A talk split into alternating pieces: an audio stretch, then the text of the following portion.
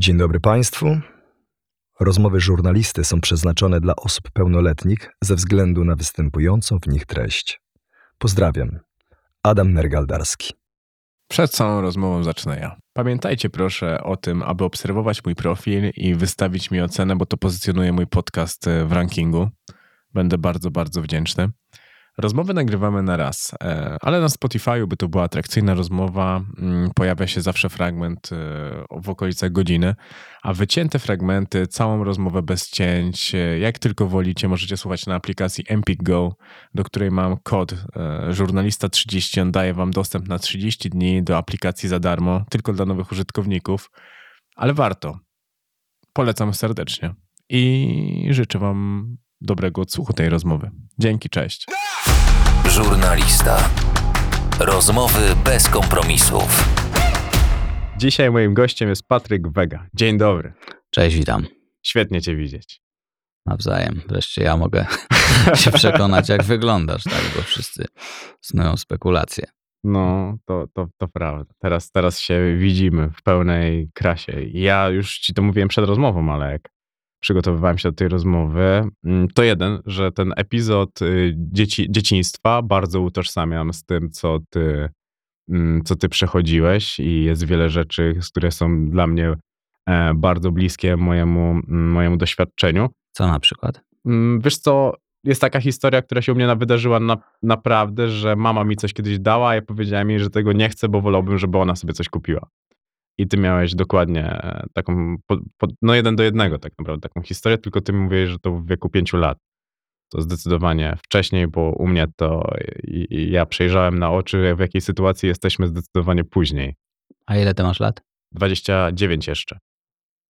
A wtedy, wtedy miałem, e, byłem nastolatkiem, jakiejś tak początkowej fazie. Ale to nie jest fajne miejsce, co do dorastania, kiedy musisz rezygnować z czegoś mając 5 lat.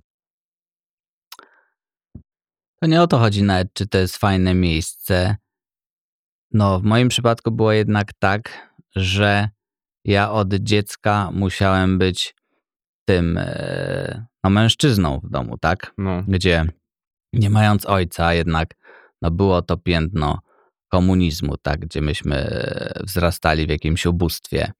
Mój ojciec, który wyjechał e, za chlebem, kiedy miałem e, bodajże pół roku, no w ogóle nie przejawiał jakiejś empatii, bo e, wysyłał nam zdjęcia e, pocztówki z Monte Carlo, tak, ze Stanów, e, pisał, że sobie kupił Chevroleta i tak dalej, a nam przysłał raz opakowanie z mlekiem w proszku, które jeszcze w no, dobie okolic stanu wojennego. Oczywiście zostało to, to, to opakowanie rozwalone na poczcie, tak, no bo przeszukiwali, mm. czy nie ma tam, nie wiem, jakiejś korespondencji ze Stanów niedozwolonej i tak dalej, więc to był jedyny jakby prezent y, od niego. No a potem druga historia, którą pamiętam, no to było to, jakiego nowa żona przywiozła te klocki Lego, tak, y, z jakimś tam pojazdem kosmicznym bodajże. No i wówczas y, wiem, że miałem jakby tą świadomość, że w ogóle nie chciałem tych klocków nawet otwierać, no bo wiedziałem, że stracą na wartości, w związku z czym e, zaoferowałem, że pojedziemy je sprzedać na skrze wtedy jeszcze, tak? W mhm. Warszawie był taki bazar, bo no ceny były tak horrendalne tych rzeczy, że mogliśmy za to przeżyć przez długi czas. To oczywiście no ma wiele aspektów, bo z jednej strony w momencie, gdy jako dziecko jesteś wrzucony w inną rolę, bo nie możesz być dzieckiem, tylko mhm. jednak pełnisz funkcję partnera co najmniej w tym domu. Funkcjonujesz zupełnie e, inaczej. Z drugiej strony, oczywiście, no nie masz męskich autorytetów, bo e, nie możesz ich mieć. Więc w moim przypadku, no myślę, że to gdzieś uruchomiło we mnie chęć do zdobycia dużych pieniędzy w życiu. Mhm. To się z pewnością wtedy stało, no bo przecież jest tak, że te rzeczy dzieciństwie formatują nas na całe lata, tak? Potem się odpalamy jak zawirusowany komputer po prostu z tym wirusem każdego dnia. Mhm. A miałeś moment, w którym sam siebie nienawidziłeś?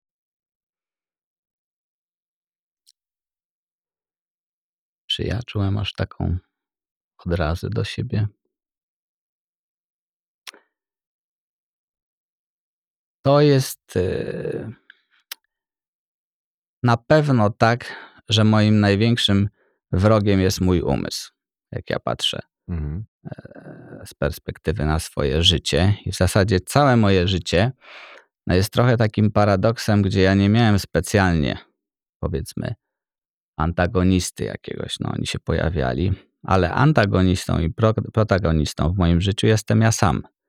I z tej walki wewnętrznej jakby Mhm. dokonywały się no, poszczególne zmiany, e, rozwój, gdzie ja sam sobie wewnątrz siebie gdzieś tam kreowałem te konflikty. Więc to jest tak, że w pewnym sensie jestem e, więźniem swojego umysłu. No, wcześniej byłem więźniem ciała, kiedy miałem nadwagę, natomiast myślę, że jestem więźniem umysłu i ja Mhm. się z tym godzę. To znaczy, oczywiście rozpoznaję z biegiem lat no, rozmaite mechanizmy, którym e, podlegam i e, no, próbuję po prostu e, tą równowagę w głowie trzymać, tak, ale główny e, no, konflikt dokonuje się w mojej głowie. Ja mam podobną tezę z tym, jak dużo ludzi kiedyś namawiało mnie na terapię. Ja mówię, kurde, ale ja lubię te swoje pułapki. Ja w nie czasami celowo wpadam, bo tam czuję się komfortowo. Ja wiem, że tam nikomu nie zrobię krzywdy, ale tam jest cisza, tam jest spokój i to jest znajome miejsce dla mojej głowy i pewnej przestrzeni, że tam jest jednak, wiesz, że może tam dla kogoś wydawać się, że ja się nagle chwilę nie poodzywam, ale tam jest komfort w tej pułapce. Nie, ty nie masz czegoś takiego? Nie sądzę, że ja tam znajduję komfort. Ja, jeśli znajduję komfort, to w e, modlitwie to mnie uspokaja. A generalnie jest też tak, że ja no kiedyś w ogóle żyłem w przyszłości i to był mój problem, że deprecjonowałem wszystko, co się dzieje. To też e, czytałem. To było świetne i z tym łatwo było mi się utożsamić, że to wszystko, co się działo dzisiaj, było za małe, bo przyszłość miała być dużo większa od tego, co jest w tej chwili. No właśnie, i to powoduje, że jesteś skazany na wieczne niespełnienie, bo cokolwiek się nie wydarzy, stwierdzasz, że to jest e, nic nie warte albo niewiele Mhm. warte, bo dopiero gdy wydarzy się tamto, to będzie fajnie i w ten sposób jakby gonisz tego królika całe życie, będąc skazany na to, że nigdy go e, nie złapiesz. Więc z jednej strony dla mnie trudnością było przeniesienie się z tej przyszłości do teraźniejszości, Mhm. i potrzebowałem no, wiele lat, żeby to e, zrobić. E, z drugiej strony zachowałem taki lęk w sobie, gdzie ja się boję stagnacji. Większość ludzi czuje poczucie bezpieczeństwa, e, jak jest sytuacja konstans. Mhm. Jak w moim życiu się nic nie zmienia, to ja zaczynam czuć, że umieram. I ja wyłącznie przez to wychodzenie z tej strefy komfortu, przez ciągłą zmianę, e, no czuję, że żyję.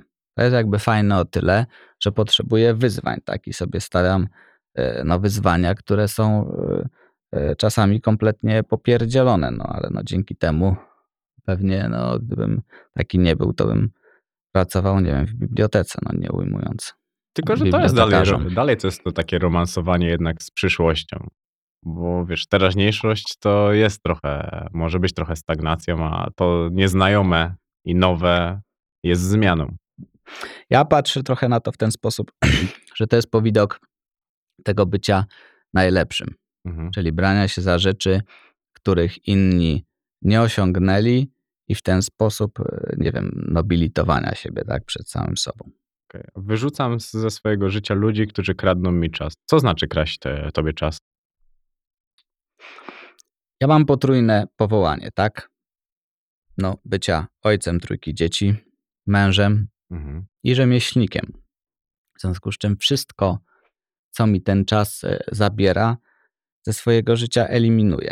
Po 20 latach skasowałem e-mail i telefon, żeby po prostu odciąć te relacje, bo mnóstwo osób absorbuje cię przez 3 minuty, przez 5 minut. Tylko jak zliczysz ten czas w skali roku, okazuje się, że przepalasz dwa miesiące na kompletnie bezproduktywne historie.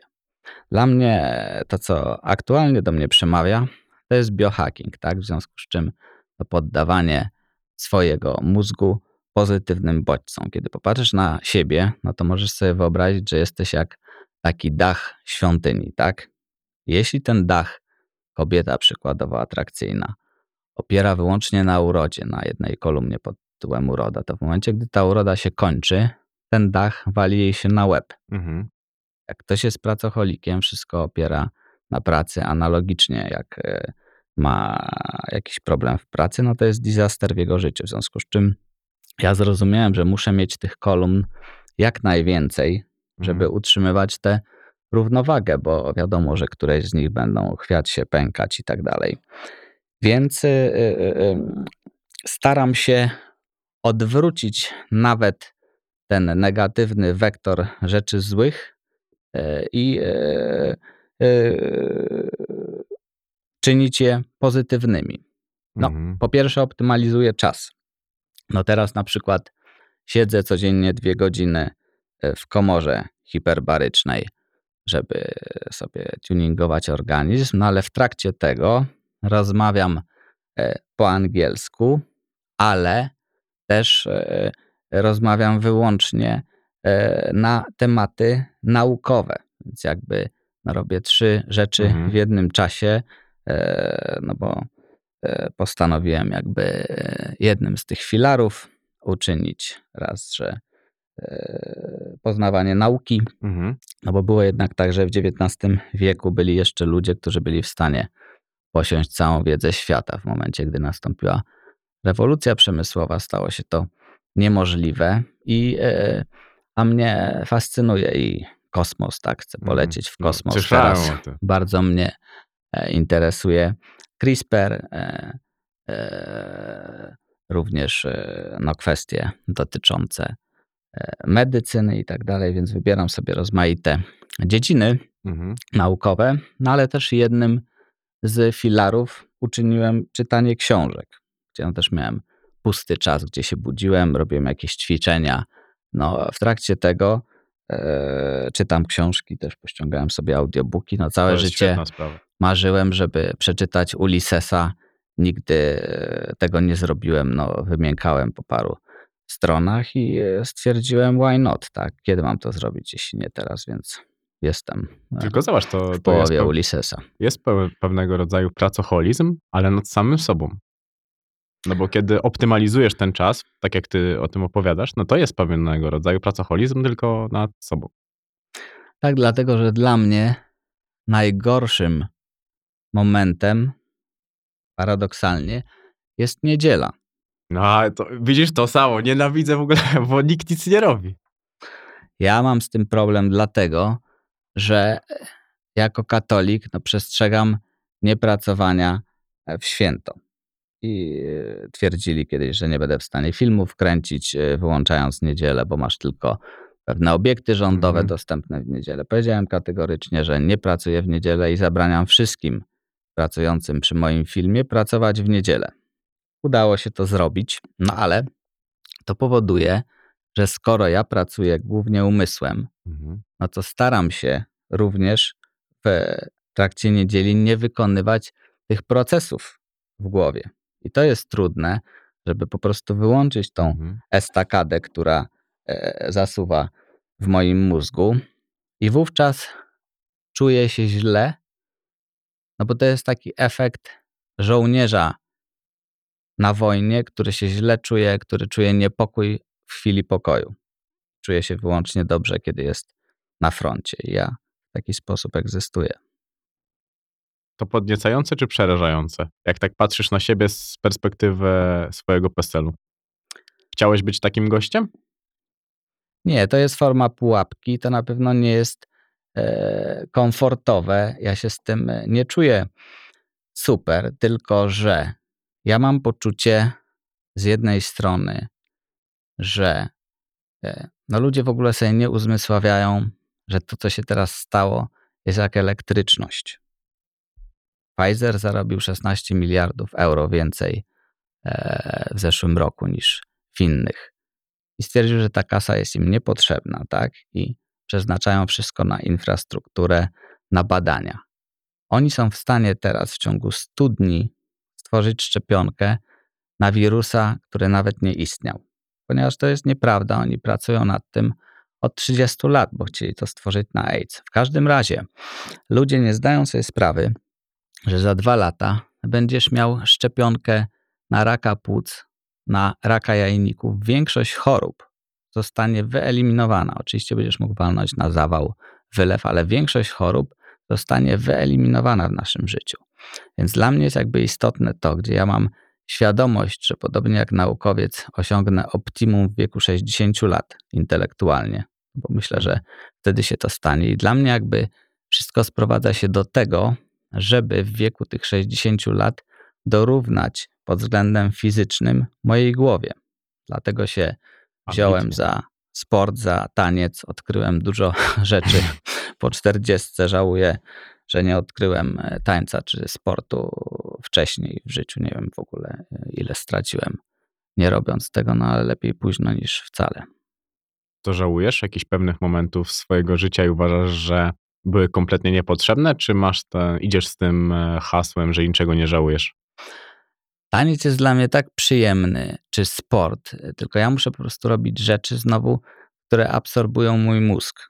No, taniec jest dla mnie przyjemny dlatego, bo jeśli się rzeczywiście jestem w stanie oddać tej muzyce i mam poczucie, że ona przenika, wiesz, no, każdą komórkę hemoglobiny, po prostu jestem tą muzyką, to, to jest moment, w którym przestaję myśleć, Mhm. odpoczywam. W sporcie ja również e, no, nie byłem w stanie e, ćwiczyć na siłowni, bo nie wyłączałem głowy. No, wykonywałem te ćwiczenia, a głowę miałem w Excelu. Poszedłem z córką na park linowy, gdzie ona z lękiem wysokości wybrała jakąś trasę Extreme. Więc ja poszedłem pierwszy, że przetrę tą trasę, będę jej mówił, jak ma iść i tak dalej. No i pokonałem pierwszą przeszkodę, a ona e, dostała ataku paniki, histerii, że nie da rady iść i schodzi. Ja nie byłem w stanie wypiąć tego klipsa, tak, bo on może tylko być przepinany do przodu. Mhm. Nie jesteś w stanie się cofnąć. Więc stwierdziłem, ja pierdolę, to ja teraz też, mając jakiś lęk wysokości, będę musiał przez półtorej godziny zasuwać po tych tyrolkach i po przeszkodach. No i e, zacząłem to robić i złapałem się na tym, że przez półtorej godziny nie pomyślałem o niczym innym, jak pokonywanie tych przeszkód. Byłem sfokusowany wyłącznie na Mhm. challenge'u, tak, na adrenalinie, na e, jakimś tam strachu. I tak mnie to zachwyciło, że zacząłem się wspinać e, najpierw na e, skałkach, gdzie po prostu no, to jest kapitalny sport, do którego nie potrzebuję nikogo, jestem w stanie to robić w błyskawicznym czasie. I potem zacząłem robić wszystko, co jest w stanie wyłączać głowę. No, oczywiście e, wiadomo, no, że to są rzeczy no, niby oczywiste, jak nie wiem, kitesurfing, e, ale nawet w momencie, gdy chodzisz po górach, no to jest e, sytuacja, gdzie również tą głowę wyłączasz, no bo musisz patrzeć, żeby się nie wywalić na kamieniu. Oglądasz rzeczy, gdzie no, widząc wodospad sobie uzmysławiasz, że sytuacji, jeśli takich wodospadów jest nieskończona ilość we wszechświecie, jakie w ogóle znaczenie mają twoje problemy, wszystko się rela, e, relatywne wydaje, więc to jest e, cudowne doświadczenie. Ja teraz uczyniłem sobie właśnie jeden z filarów w postaci wypraw, które będę robił i e, zdobędę dwa bieguny i również e, planuję trzy wyprawy e, w góry na Kilimandżaro w kolejnym roku, na Aconcagua i e, za trzy lata chcę zdobyć Monteverest. Męczy się ciało, ale odpoczywa głowa, co? Tak, plus jest to, wiesz, fajny challenge. No się znowu wydaje, jak mówię znajomym, wiesz, 95% ludzi przegrywa dlatego, że nawet czegoś nie sprawdza. Nie próbuje, tylko zakłada w punkcie wyjścia, że to jest niemożliwe do zrobienia. No rzucam hasło biegun, no to ludzie się stukają, że akurat pójdzie na e, biegun, tak? No tylko e, Jasio Mela na ten biegun dotarł. Okej, no e, niósł go Marek Kamiński, ale ten biegun zdobył i no, poznałem gościa na kole podbiegunowym. No i znowu, wchodząc w szczegóły, no się okazuje, że trasa klasyczna to jest te 114 km, robisz 14 km dziennie na nartach biegowych przez 10 dni. No, robiłem teraz, nie wiem, po 8 km na nartach biegowych y, na kole podbiegunowym, więc to nie jest rzecz nie do zrobienia. No ale gość znowu mówi, że ma trasę dla artystów, fotografów, filantropów, e, naukowców, gdzie sobie ustalasz dystans. No więc nie masz efektu, że wysiądziesz z helikoptera, walniesz zdjęcie e, że byłeś na biegunie północnym i wracasz, no tylko możesz sobie ustalić ten dystans na przykład na 40 kilometrów, gdzie przez 4 dni pokonasz 10 kilometrów dziennie. No to już masz poczucie, że to jest jakiś challenge przy tych minus 35 stopniach. No ciągniesz te 45 kilo na sankach, musisz przepływać między tymi krami, więc jest to rodzaj wyzwania, a, ale cudowne jest to, że to ci dostarcza emocji w skali miesięcy. Bo możesz iść i wydać 20 tysięcy dolarów na marynarkę, mając pik adrenaliny w momencie dokonywania zakupu, a w przypadku takiego przeżycia to się zaczyna rozkładać w czasie, no bo Mhm. musisz coś na ten temat poczytać. Musisz znaleźć ludzi, którzy e, e, organizują w profesjonalny sposób takie wyprawy. Musisz się zastanowić, czy kupisz narty biegowe w Polsce, czy wypożyczysz tam. W związku z czym planujesz wszystko Mhm. miesiącami, wybierasz ciuchy, no potem to robisz i masz poczucie spełnienia, które zostaje ci na wiele lat e, pod powiekami, więc to są e, no, jakieś moje najnowsze Mhm. odkrycia. Moja kariera dopiero się zaczyna. A bałeś się kiedyś, że się skończy? Miałem kilka momentów takich w życiu. W zasadzie w jakimś sensie teraz przeżywam trzeci taki moment, kiedy coś buduję zupełnie od zera. Mhm. No tak było między innymi 10 lat temu, kiedy musiałem zbudować przyczółek w Polsce między światem finansów a światem rozrywki, tak? No, gdzie e, komunikowałem się z ludźmi z giełdy, gdzie goś w okularach siedział w tym Excelu, nie wiedział w ogóle, kto to jest Małaszyński, tak? A ja mu tłumaczyłem o przemyśle filmowym, więc on musiał iść do żony, która oglądała MacDM, E, Powiedziała mu, że rzeczywiście jest taki serial, gra taki facet. Ja to zbudowałem od zera, bo ta relacja nie istniała. No to, co się teraz jakby dzieje, to jest kopiowanie wzorca, który e, stworzyłem Mhm. 10 lat temu i teraz również jestem w takim momencie, wychodząc na świat, bo ja jakby robię e, no zawsze kilka rzeczy naraz, więc mam też teraz te trzy ścieżki, którymi podążam. No ale to jest taki efekt, jakbym szedł po pustyni, nie wiedząc, czy spotkam e, bujną oazę, czy e, wyschniętą studnię, tak? Idę, no tworząc coś, czego znowu nikt, przynajmniej w tym kraju, nigdy nie zrobił, więc to jest droga w nieznane i oczywiście to jest wyjście ze strefy komfortu, gdzie e, no buduje to i strach, e, i jakąś tam ekscytację Mhm. i tak dalej. To jest trudne, bo masz na początku efekt poruszania się w zasadzie po omacku. Ja miałem problem, bo przez dwa lata jako socjolog nie mogłem sczytać tej rzeczywistości. Widziałem jakby szereg zjawisk, e, których nie rozumiałem, i dopiero po dwóch latach sczytałem e, tą sytuację na świecie, rynek, rozumiejąc jakby co się dzieje, do czego to zmierza. I to jest no, cenne o tyle, że przynajmniej w tym momencie przestałem iść po omacku, bo wiem, co się dzieje, w jakim kierunku mam się e, poruszać. Mhm. A jak tak e, znaleźć te miejsca na, na osi czasu, kiedy bałeś się, że, że to może się skończyć, to jak to określiłbyś? Pierwszym momentem na pewno e, był początek kariery, czyli zrobienie pierwszego Pitbulla. Mhm. Oczywiście byłem gościem bez szkoły filmowej, bez znajomości, więc no wyobrażenie sobie, że ktoś mi da 2 miliony złotych i będę mógł nakręcić film fabularny, no nie mając żadnych doświadczeń, wydawało się lekkim absurdem, tak? Natomiast ja jestem chorobliwie konsekwentny w tym, co robię. I dzięki temu wygrywam po prostu, no bo 8 lat walczyłem o to, żeby ten film zrobić. Ludzie się wielokrotnie by poddali. No ja też miałem kryzys po tych 8 latach, więc w momencie, gdy miałem robić ten film zupełnie inną obsadą, no kto inny miał grać w tym Mhm. filmie i tak dalej, on mi spadł, mówiąc kolokwialnie, czyli no po prostu nie udało się zebrać budżetu i okazało się, że nie będę tego filmu robić. I wtedy dałem sobie deadline w postaci roku, że jeśli nie zrobię tego filmu w ciągu roku, to zmieniam e, no, zawód, wywalam po prostu te marzenia e, za okno i zajmę się jakimś rodzajem biznesu, żeby nie być po prostu sfrustrowanym artystą. I to no, szczęśliwie dosłownie w 11 miesiącu od tego ustalonego terminu udało się tego Pitbulla sfinansować i ten film e, zrobić. E, drugi raz, no to miałem właśnie w okolicy budowania tych e, relacji ze światem finansów, czyli po moich no, największych wtopach wtedy było ciacho, potem klos, potem last minute, no i to był taki moment, gdzie miałem poczucie, że umarłem jako ten reżyser, że to Mhm. jest już po prostu takie e, dno, e, że ja się z tego nie podniosę i e, w ogóle ten świat się skończył. Ale czego mnie to nauczyło?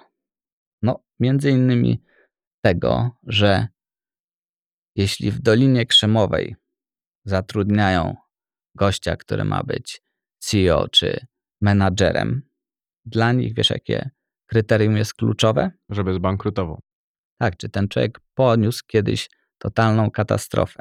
Nie same sukcesy, tylko czy poniósł katastrofę i czy się z tego dna podniósł. Bo wiadomo, że życie jest sinusoidą, nie będzie zawsze super i o wartości człowieka w biznesie decyduje to, czy on ma zdolność właśnie do reaktywacji, czy jest w stanie się podnieść z jakiejś e, kompletnej e, katastrofy.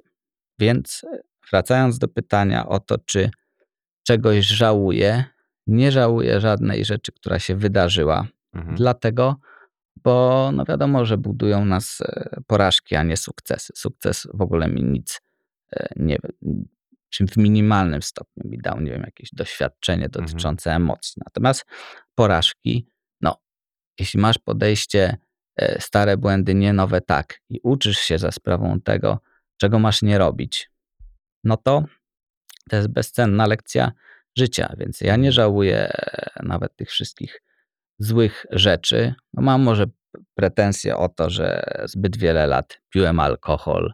Mam poczucie, że przebimbałem jakby te 40 lat, mogąc e, osiągnąć e, no, dużo więcej wcześniej sobie radząc, nie wiem, z otyłością, z alkoholem i tak dalej, więc e, w tym sensie może tak i żałuję rzeczy, których nie zrobiłem, no jak sport czy taniec, to na Mhm. pewno mogłem.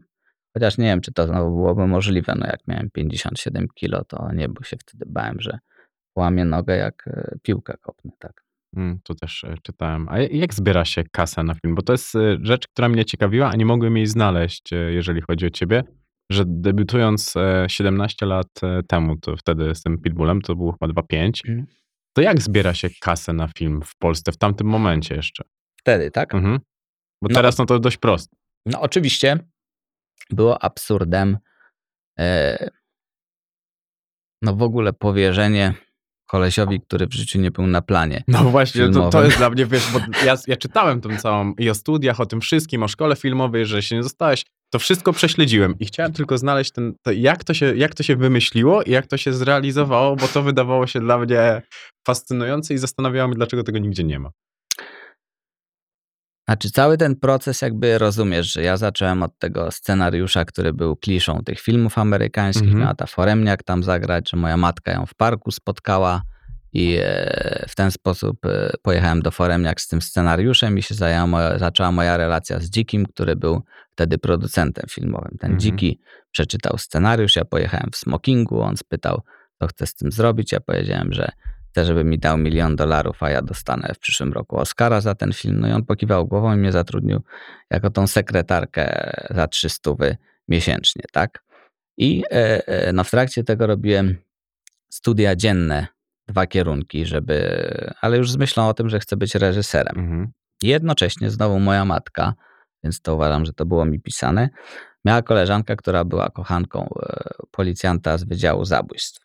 I powiedziała, czy ja nie chcę sobie pojechać, pogadać na temat tamtego scenariusza, może mi coś powiedzą. No jak pojechałem do tych gości, zobaczyłem ich w trakcie przesłuchiwania tej matki Michałka utopionego w Wiśle, jak e, babki ją lały przykutą do kaloryfera, a ci płakali, no to po godzinie rozmowy z nimi wywaliłem ten scenariusz do kosza i stwierdziłem, że chcę zrobić film o nich. Oczywiście, no wydawało się to niemożliwe z wiadomych y, y, powodów, w związku z czym postanowiłem nakręcić dokument.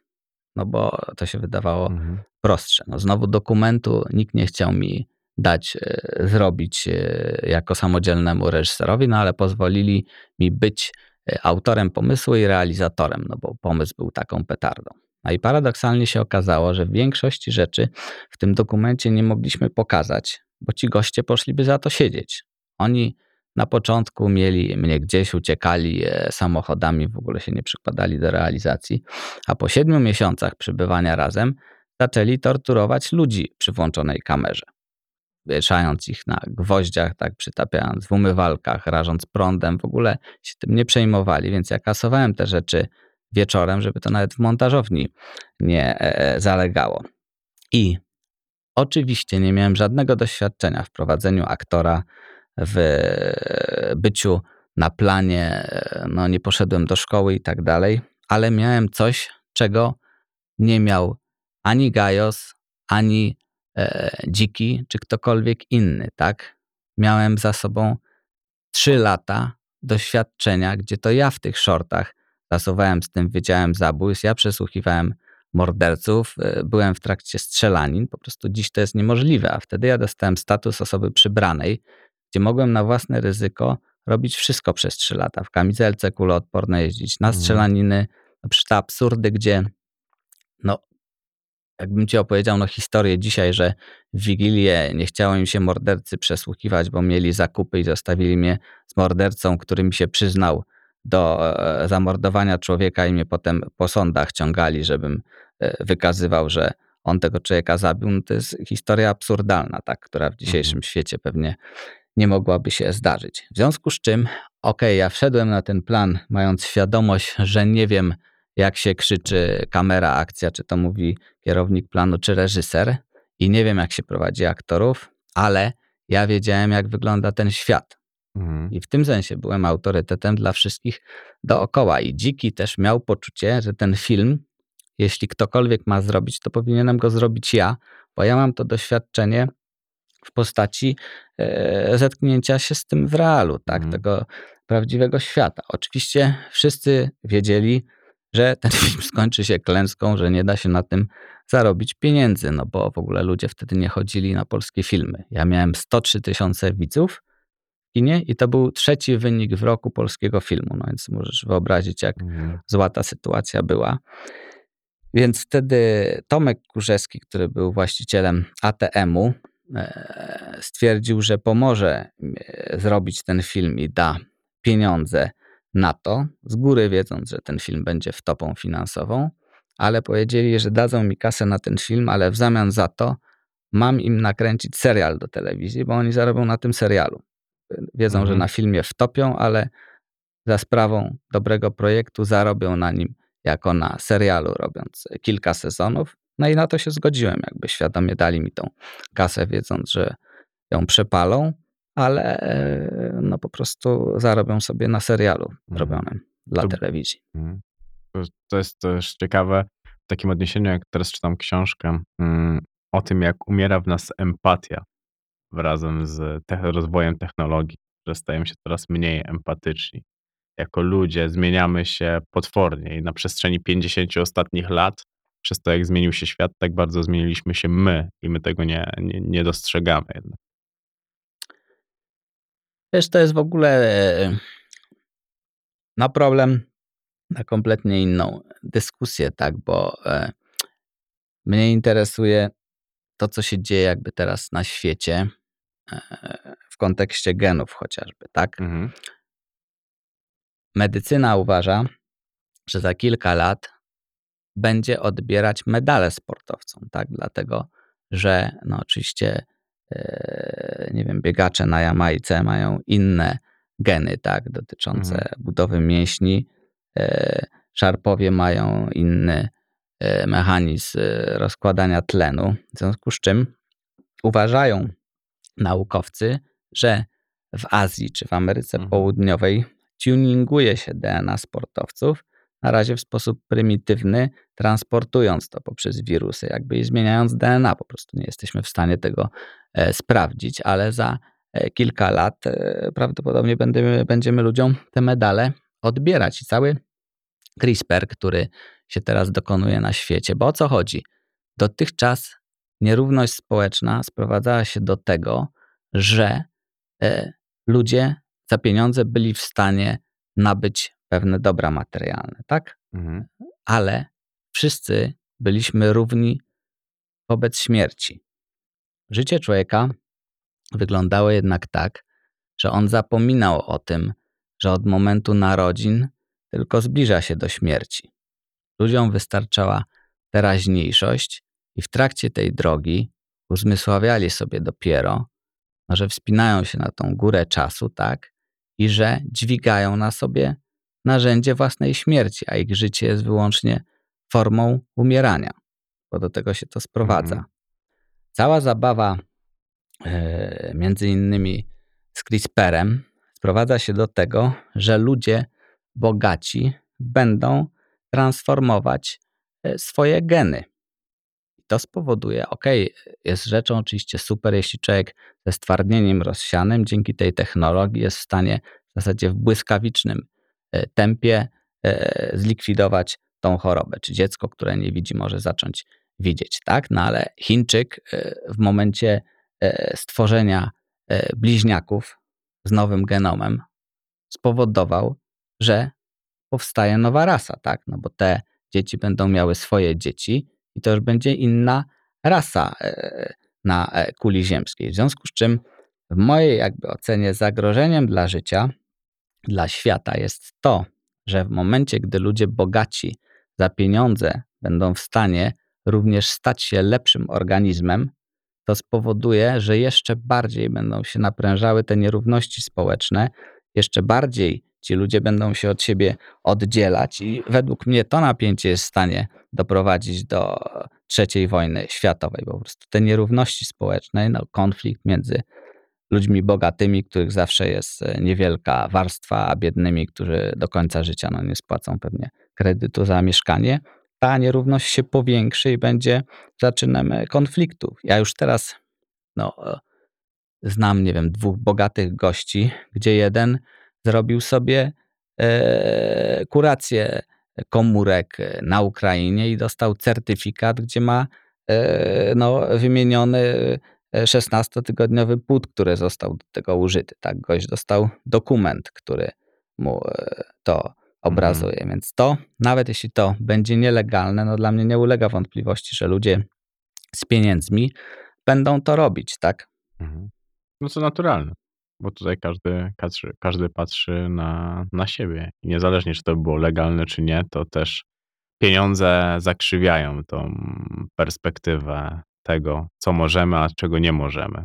To się też dzieje, to widać nawet w filmach, w serialach i jak patrzysz na to, to, to nawet tam e, jest spuszczone e, oko do, do widza. A już wspomniałeś o tej autobiografii, bo teraz wychodzi film Seks, Miłość i Pandemia, czyli autobiografia będzie drugim filmem w tym roku. To będzie mój ostatni polski film. Tak, Tak jak myślę. zapowiadałeś. I premiera jest zaplanowana na 30 września 22. Okej.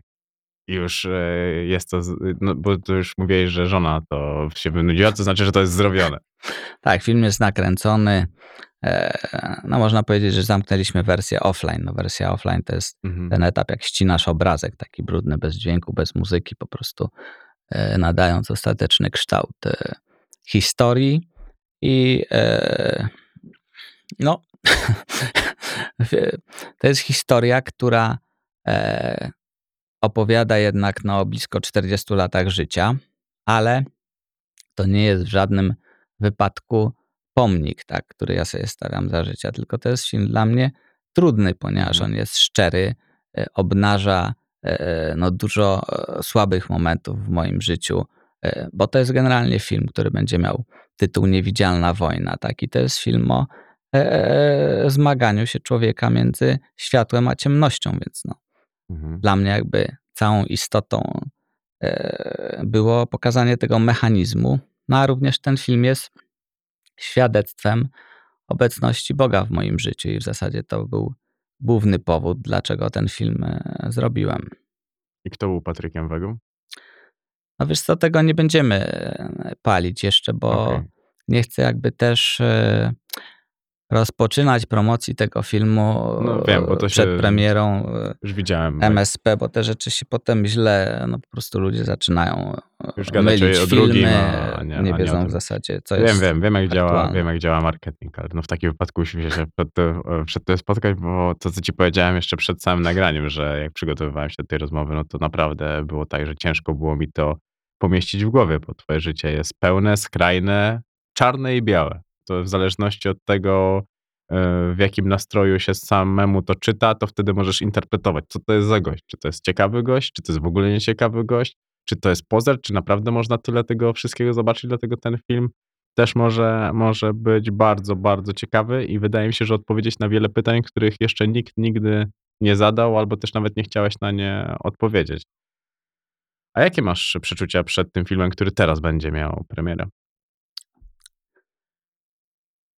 Wiesz co, no e, myślę, że diagnozę dotyczącą rzeczywistości mam e, postawioną dość trafną, dlatego że analizowałem w ostatnim czasie e, rozmaite tytuły i w Polsce, i na świecie, kierując się tym, co czytałem i we wszystkich przypadkach miałem rację, w związku z czym no, uważam, że zrozumiałem, jak funkcjonuje ten rynek, e, co się stało, w jakim stopniu ludzie zmienili nawyki, w jakiej grupie wiekowej i tak dalej. Więc nie chcę e, e, e, no, wyrokować publicznie na temat mojego własnego filmu. To jest oczywiście kino no, inne, dlatego że ono jest dedykowane dla kobiet.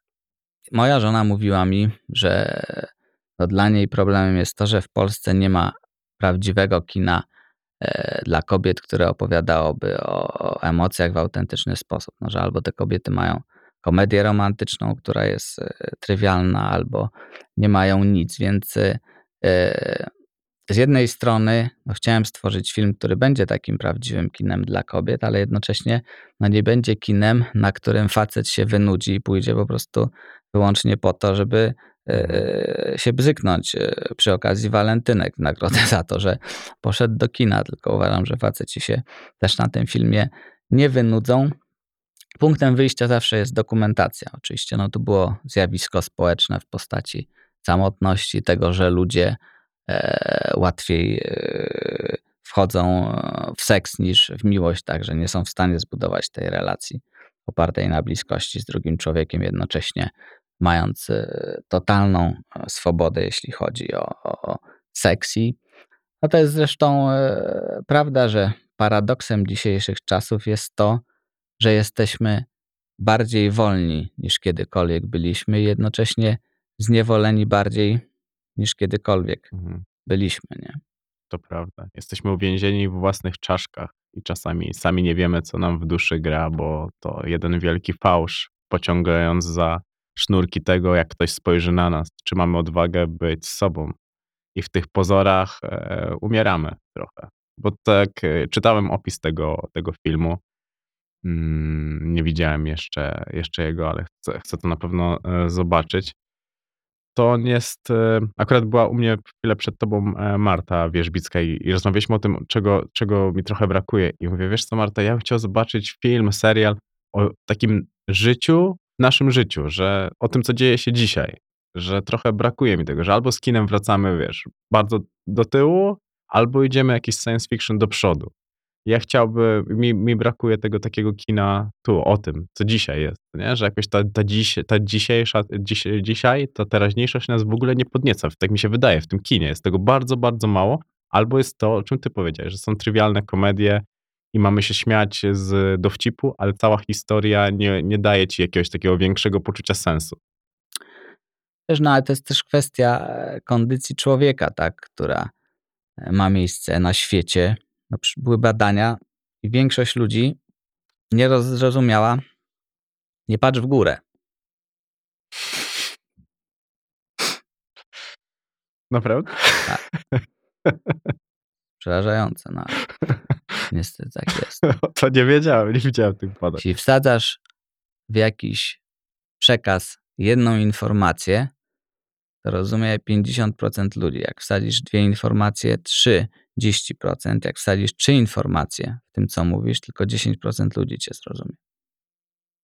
To źle jest kręcić filmy w tych czasach, w takim wypadku. Mało można powiedzieć. No dlatego, wiesz, masz mnóstwo też e, takiego shitu, nie?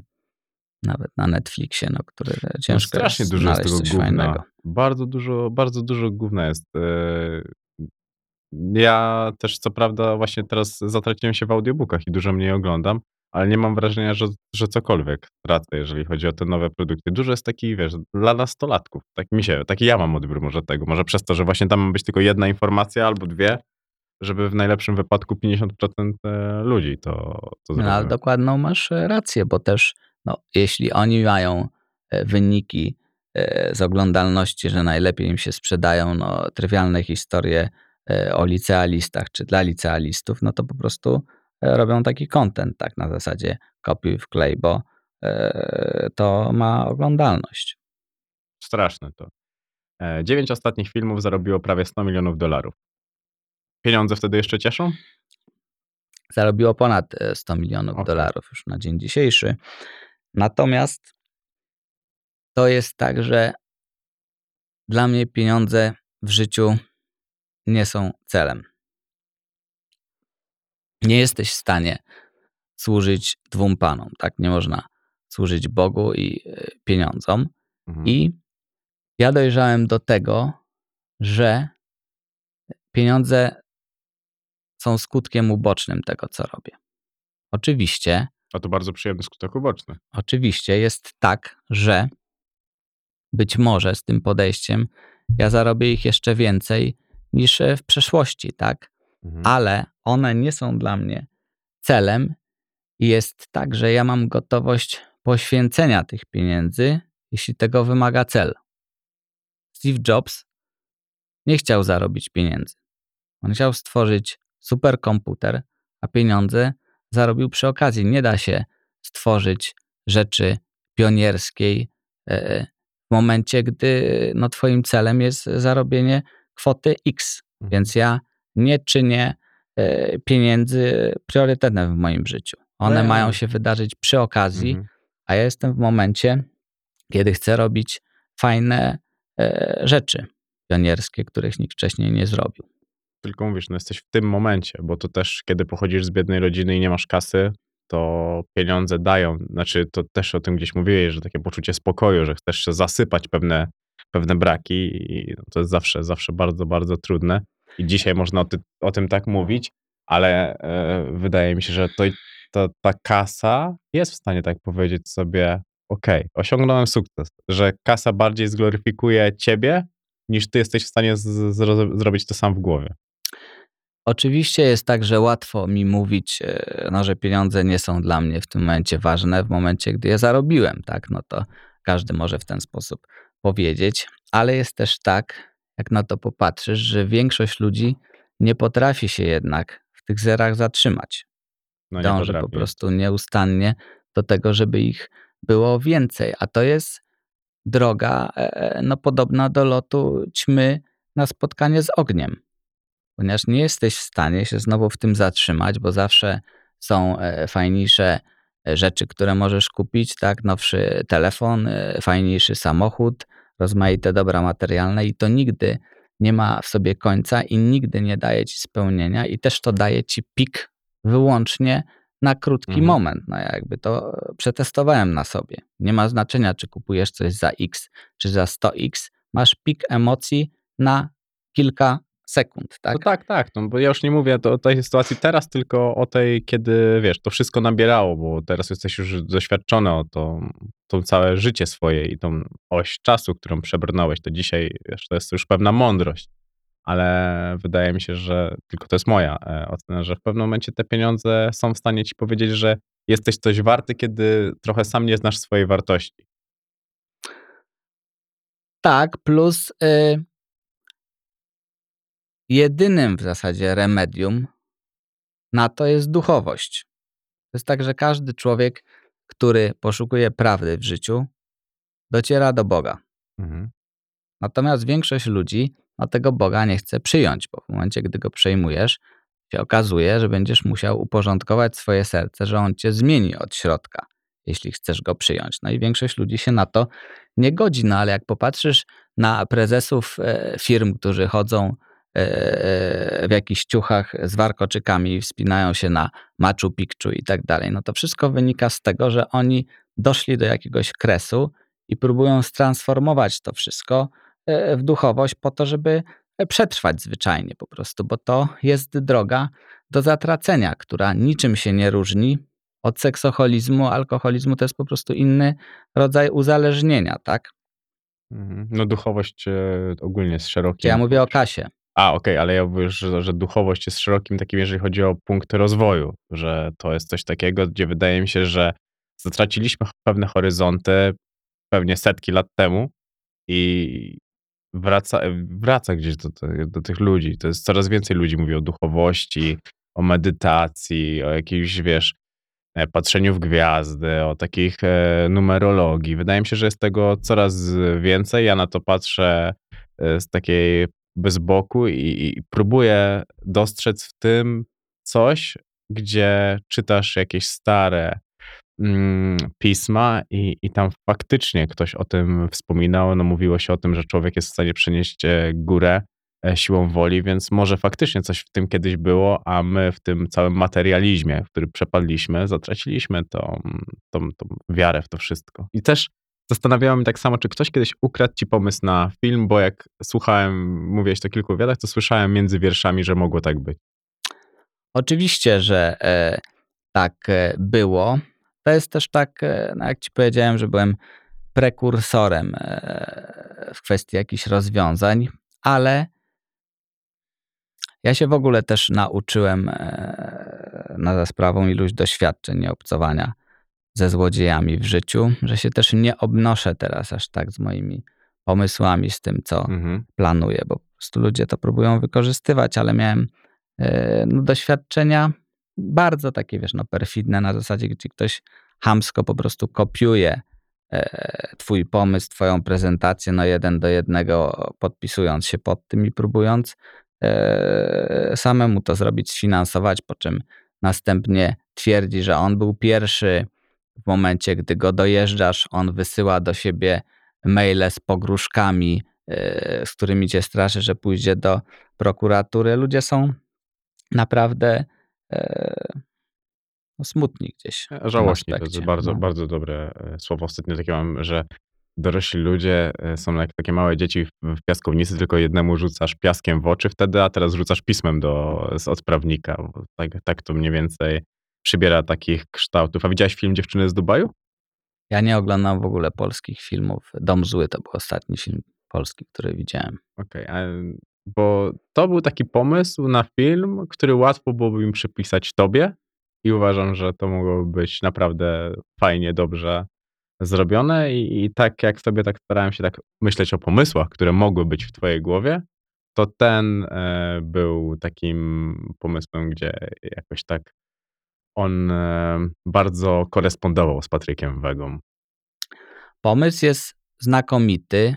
W pierwszej chwili mogłoby się wydawać, że nie, ponieważ no, masz narrację e, szacunku wobec kobiet, więc wydaje się, no, że kobiety nie chciałyby jednak oglądać filmów, w którym są e, deprecjonowane tak, i sprowadzone do no, roli prostytutki, bo okej, no kiedyś pokutowała w świecie narracja, no ortodoksyjna nawet, że każda kobieta jest prostytutką, bo w małżeństwie e, nie wiem, no jest uzależniona od mężczyzny i tak dalej. No ale w dzisiejszym świecie, gdzie kobiety głośno artykułują swoje prawa, walczą o potrzeby, wydaje się, że e, no ta zmiana nastąpiła, ale jednak tak nie jest do końca, Mhm. jeśli chodzi, bo to jest e, kwestia anonimowości w dzisiejszym świecie i tego, że większość ludzi żyje w samotności, tak?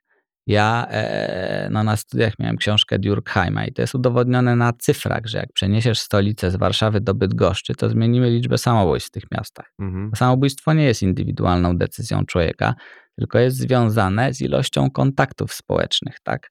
Poczuciem samotności. Mamy ministra samotności w Japonii, bo mają o 70% wzrost samobójstw wśród młodzieży, kobiet. W Hiszpanii jest wzrost o 100%. W Polsce po prostu tego nikt nie bada. Natomiast jest tak, że ta samotność no nie tylko cię rozwala na poziomie psychicznym, powodując nerwice, e, PTSD, depresję i tak dalej, ale również rozwala ci organizm, bo przestawia ci hormony. Mhm. W związku z czym no ja mam jakby pretensje do tego całego nurtu na świecie, że on wpycha człowieka w samotność, gdzie można postawić w dużym uproszczeniu znak równości między samotnością a śmiercią, tak, no z powodów, e, które wymieniłem.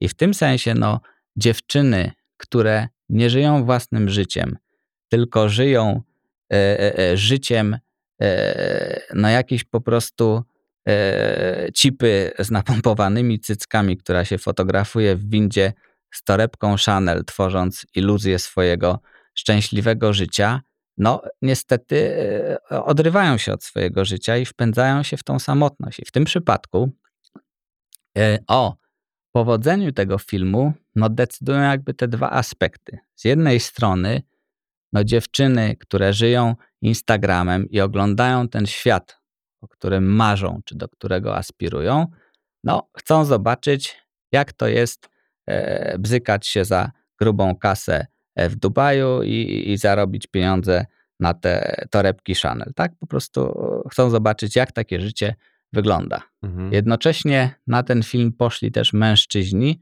którzy normalnie do kina nie chodzą, tak? No bo poszli goście, którzy chcieliby e, bzyknąć trzy laski po 10 koła za noc, a po prostu no, nie mają takich pieniędzy, więc chcieli zobaczyć, jak to wygląda, e, no, posuwać e, naraz e, trzy super laski w ciągu jednej nocy. Więc jakby to odpowiedziało bardzo dobrze na tą potrzebę społeczną, co nie zmienia oczywiście e, faktu, że w normalnych okolicznościach ten film miałby e, ponad 2,5 miliona widzów na pewno.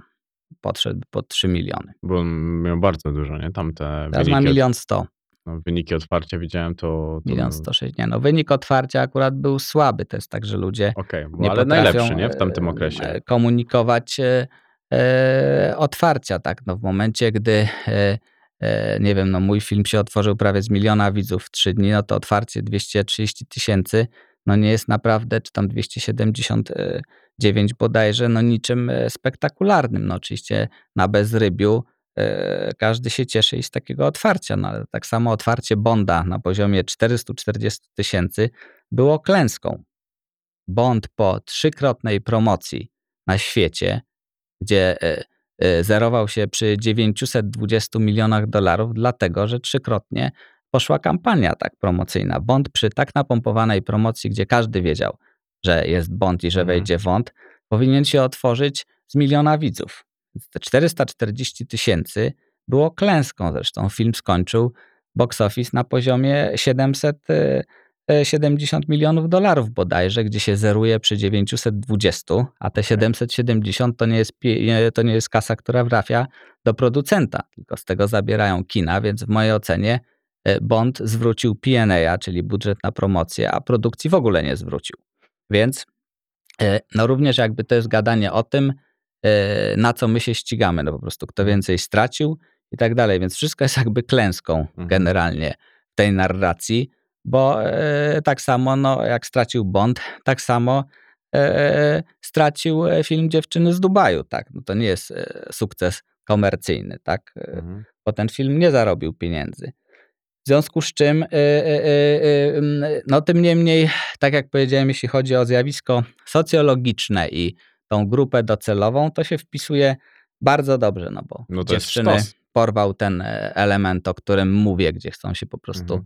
na moment wejść do tego świata, zobaczyć jak to jest, bo do tego świata no, aspirują, nie mówię, że aspirują do bycia prostytutką, ale aspirują no, do świata, w którym są w stanie latać e, w pierwszej klasie w samolocie, tak i sobie e, kupić torebkę Chanel, a faceci, tak jak powiedziałem, chcieliby zobaczyć, jak to jest. No zobacz, masz taki, taki motyw tego, że pewna estetyka filmów i tematów jest z automatu wrzucana do, do, do tego, że to jest Patryk Wega, bo ja jak zobaczyłem, że taki film ma postać, to mówię na bank Wega. To, to, to byłem przekonany, szczerze powiedziawszy, i dopiero jak zobaczyłem, że to e, robi Doda z Emilem, to mówię, o, to bardzo, bardzo ciekawe i, i tutaj po prostu mnie to zastanawiało. Dlaczego Kuba Wojewódzki powiedział, że cię nigdy nie zaprosi? Macie jakiś otwarty konflikt? Wiesz co, no zapraszał mnie chyba z 10 razy, no co roku mnie próbuje zaprosić, w związku z czym e, może teraz tak powiedział, No, bo go olałem z 10 Okej. razy. Okej, bo to mnie, to mnie Nie, to zapraszał mnie... mnie, nie wiem, ale na pewno więcej niż 5 razy zapraszał mnie do swojego programu. Były takie podchody i e, ja powiedziałem, że nigdy tam nie pójdę, więc Dlaczego? myślę, że teraz odwraca kota ogonem. No po pierwsze dlatego, że to nie spełnia dla mnie funkcji użytkowej, bo ja bym promował jego program, a nie on mój. Nie jest tak, że ja sprzedam mój film idąc do jego programu, dlatego że ludzie oglądają program Kuba Wojewódzki dla Kuby Wojewódzkiego, a nie dlatego, e, żeby zobaczyć potencjalnie mój film czy kupić czyjąś piosenkę. Więc wszyscy, którzy chodzą tam z przeświadczeniem, że wypromują swoje, nie wiem, dzieło, które debiutuje, no są w błędzie, bo wy, wyłącznie e, pompują e, Kubę Wojewódzkiego, więc jakby no e, nie widzę w tym funkcji. Też ja jednak nie lubię rozmawiać z pajacami, tak? Muszę mieć poczucie merytorycznej rozmowy. Jestem w stanie znokautować każdego boksera, ale nie potrafię się komunikować z klaunem. Okej, to dość jasno rozwiałeś e, wszelakie wątpliwości. I jeszcze jedno chciałem. Czy jak patrzysz na to, co robią bracia Sekielscy, to nie masz takiego trochę, mm, tak, że też byś tak chciał, bo mi się wydaje, że dokumenty ciebie bardzo kręcą. Ja przejrzałem dzisiaj cały ten twój kanał na YouTubie, od rozmowy z kurierem, e, tej metody na wnuczka, tego, tego wszystkiego i nie masz czegoś tak, że chciałbyś trochę więcej czasu na to znaleźć? Wiesz co, ja to robię przez cały czas i też odnalazłem w tym frajdę rzeczywiście, bo e, no raz, że to jest oczywiście absorbowanie prawdziwego życia, a dwa, że jest to sytuacja, w której e, no robisz ten film w zupełnie taki sposób odarty z pieniędzmi, z, z pieniędzy, z komercji, Mhm. ze wszystkiego. No bo w dzisiejszym świecie ja e, no nawet oczy diabła kręciłem sam, tak? No Mając e, dwie kamery, robiąc to bez żadnego operatora. Więc to mi daje wolność, że ja po prostu wyruszam z tym e, obiektywem kamery, czy no, niektóre wywiady, jak widzisz, w czasie pandemii robiłem w ogóle przez e, Zooma, Mhm, tak? Czy tak, tak, e, widziałem. Skype'a rozmawiając z ludźmi. I to jest zupełnie wolne. To jest czyste, to jest po prostu poczucie, gdzie się możesz kameralnie zamknąć z tym materiałem. Nie masz presji premiery, e, oczekiwań czegokolwiek, tylko no, to jest szczere i bardzo takie no, gdzieś e, pozytywne w doświadczeniu twórczym. bo to, to właśnie było prawdą.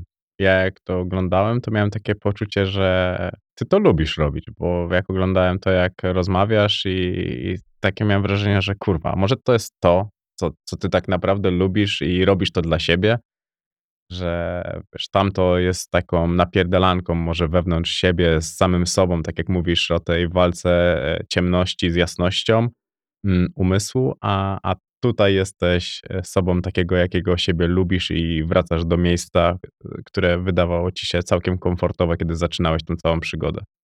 To jest prawda. Nawet e, w pewnym momencie, gdy zrobiłem parę tych rzeczy, na które skądinąd też były gdzieś tam szeroko absorbowane przez ludzi, tak? No bo ja byłem na czwartym miejscu po Frizie ekipie, już nie pamiętam co było na trzecim, z oczami diabła, no więc to jest też tak, że no to jest rzecz, która gdzieś się przebija do ludzi, e, ale uważam jednak, no, że gdzieś w tym wszystkim chcę być człowiekiem renesansu i po prostu łączyć e, w sobie różne aktywności. Mhm. Nie fiksować się na to, że wyłącznie będę robił filmy albo tylko dokumenty, czy tylko zajmował się nowymi technologiami i tak dalej. Świat jest, wiesz, e, otwarty, w związku z czym why not? Świat jest otwarty, w covid dobrze brzmi. No ja nie byłem ani razu zamknięty, akurat mnie to Ominęło. W żaden sposób nie dotknęło. A już idąc tą ścieżką międzynarodową, chcesz trzymać to tempo, do którego przyzwyczaiłeś swojego odbiorcę? Nie, ja mam poczucie, że no nie da się stworzyć e, arcydzieła e, w sposób, e, wiesz, no po prostu szybki, pod presją Mhm. jakąś e, szaloną. W związku z czym e, te filmy będę na pewno robił rzadziej. Nie wiem, czy raz w roku, czy raz na dwa lata. No po prostu to już jest duża deklaracja. ten film e, e, w takim tempie, ile będzie on wymagał. No. Okej. To fajne. A nie możesz pewnie powiedzieć o czym. Nic. Wiesz co, najnowszy film, który zrobię, to będzie film e, o rosyjskiej mafii. Dlaczego mnie to nie dziwi? Ja tutaj jak się przygotowywałem, to zastanawiało mnie, czy ty masz tak, że ty tym złem tak się dużo karmisz, bo dużo go przyjmujesz i, i potem nie chce cię tym żygać już. No ale wiesz, mógłbyś się z kolei zastanowić nad czymś równie interesującym, skoro temat, a jest bardziej interesujący niż historia Pablo Escobara czy włoskiej mafii, dlaczego dotąd nikt na świecie nie zrobił globalnego filmu czy serialu o Mhm. rosyjskiej mafii? To fakt. To fakt. To jest, e, to jest, to jest zastanawiające. Mm, Ja lubię taki wątek w serialu Banshee. E, Jest taki serial i tam jest e, taki rosyjski starszy mafiozo, który nazywa się Królikiem i bardzo lubię tego i ostatnio też myślałem o tym jeszcze przeglądając e, Raya Donowana, że też tam nie ma, nigdzie nie ma tej rosyjskiej mafii. One są, są te wątki gdzieś tam w różnych serialach, ale na wierzchu nigdy niczego nie ma. Mogę ci powiedzieć, czemu nie ma. No. Z dwóch powodów. No bo pierwsze, Rosja jest państwem, które ma imperialistyczne zapędy, w związku z czym Mhm. wychodzi z założenia, że ma te 140 milionów obywateli. Im wystarcza, że zarabiają 20 milionów dolarów na box office w kinach i nie muszą się komunikować z resztą świata. Tak? Tworzą hermetyczne historie po rosyjsku, które nie wychodzą nigdzie dalej na świat. Język rosyjski jest też jednak nielubiany, w związku z czym nie wychodzą takie historie na świat. Jednocześnie Ameryka czy nawet Europa Zachodnia jest za daleko mentalnościowo od tej kultury. No jak patrzysz na rosyjskiego gangstera w amerykańskim filmie, to jest prowincjonalnie ubrany gość, który mówi z groteskowym akcentem, zazwyczaj jest przesadnie brutalny i to jest wyobrażenie Amerykanina o tym, jak e, e, e, wygląda rosyjska mafia. No teraz e, e, współpracuję też z producentką 000 ze studio Mhm. kanal. I ona też mi mówiła, że no mieli producenta znanego w Paryżu, który e, miał pomysł zrobienia filmu o oligarchach i go nie zrobił. No ja jej pytam dlaczego. No i ona mówi, no z tego powodu, o którym mówisz, bo to był facet, który wpierdzielał e, bagietki w Paryżu i nie miał pojęcia o tym, jak żyją Rosjanie, tak? Tylko opowiadał o swoim wyobrażeniu na temat Rosjan. I ja, jako człowiek, który ma w sobie piętno komunizmu, bo wzrastał Mhm. w tych czasach, a jednocześnie teraz egzystuje w kulturze audiowizualnej z oceanu, jestem w stanie skomercjalizować Rosję, tłumacząc kulturę wschodu na język zachodu, ponieważ czuję i jedno, i drugie. Więc ja Mhm. stworzę film o rosyjskiej mafii nie dla Rosjan, Dla tylko dla reszty świata.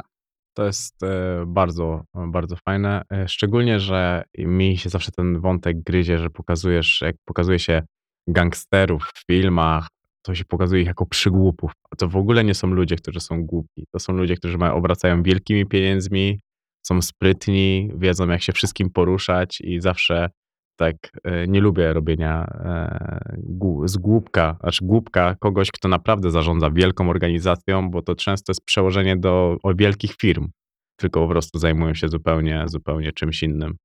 No oczywiście fascynujące jest w tym to, że to nie jest 70.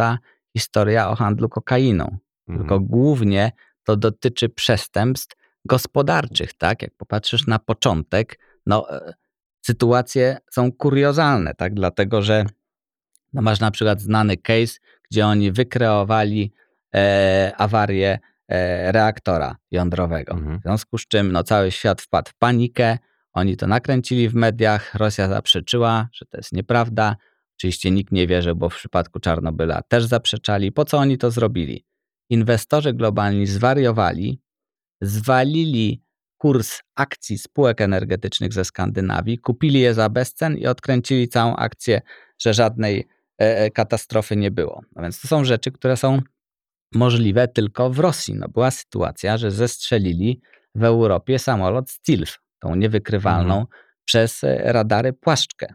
No i ja znałem gościa, który sprzedał e, fragment tego samolotu z rakietą Czeczenom, tak? Skąd się w ogóle ta rosyjska mafia wzięła? No jako ten dokumentalista przed Pitbullem, tak? No, mogłem brać udział w rozmaitych działaniach i wtedy między innymi aresztowaliśmy bossa e, rosyjskiej mafii. Ja z tym gościem rozmawiałem. On po tym wywiadzie e, wydał na mnie wyrok śmierci, no tak przynajmniej mi mówili ci Rosjanie po czasie, ale szczęśliwie dla mnie umarł rok później w więzieniu. No i kiedy wsadziłem jego postać Mhm.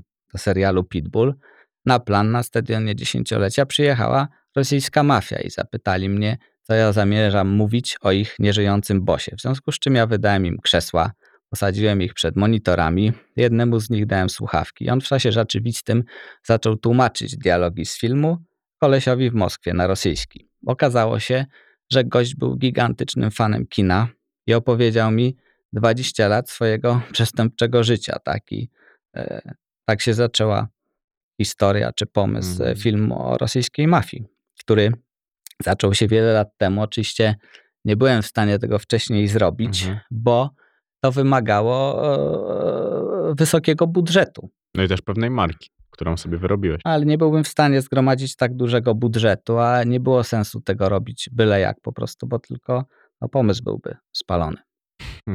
Kurde, to, to jest bardzo ciekawe, bo też e, dzisiaj słuchałem twojego wywiadu z Jarkiem Kuźniarem, jak rozpowiadałeś o pętli i on tam bardzo mocno naciskał na to, żeś powiedział, jacy tam politycy w tych burdelach się e, bawili. To pokazuje, jaką z jednej strony masz wiedzę, a z drugiej strony jaką też poniekąd władzę nad tymi historiami, że jak dużo zostaje, zostaje w głowie. Bardzo pięknie dziękuję ci za tą rozmowę. I tak cię już srogo przyciągnąłem, a ty jesteś człowiekiem zapracowanym. Świetnie było cię poznać, zobaczyć e, ciebie i, i usłyszeć trochę tych historii. Bardzo, bardzo dziękuję. Ja ci również dziękuję. Miałem oczywiście zakusy, żeby ci zdjęcie zrobić. Po- to dobrze, ja lubię być bogaty. Ja, ja lubię pieniądze. ja bardzo lubię pieniądze, więc e, Ale pozostań dla ludzkości słodką tajemnicą. bardzo słodko. Dziękuję. Dzięki.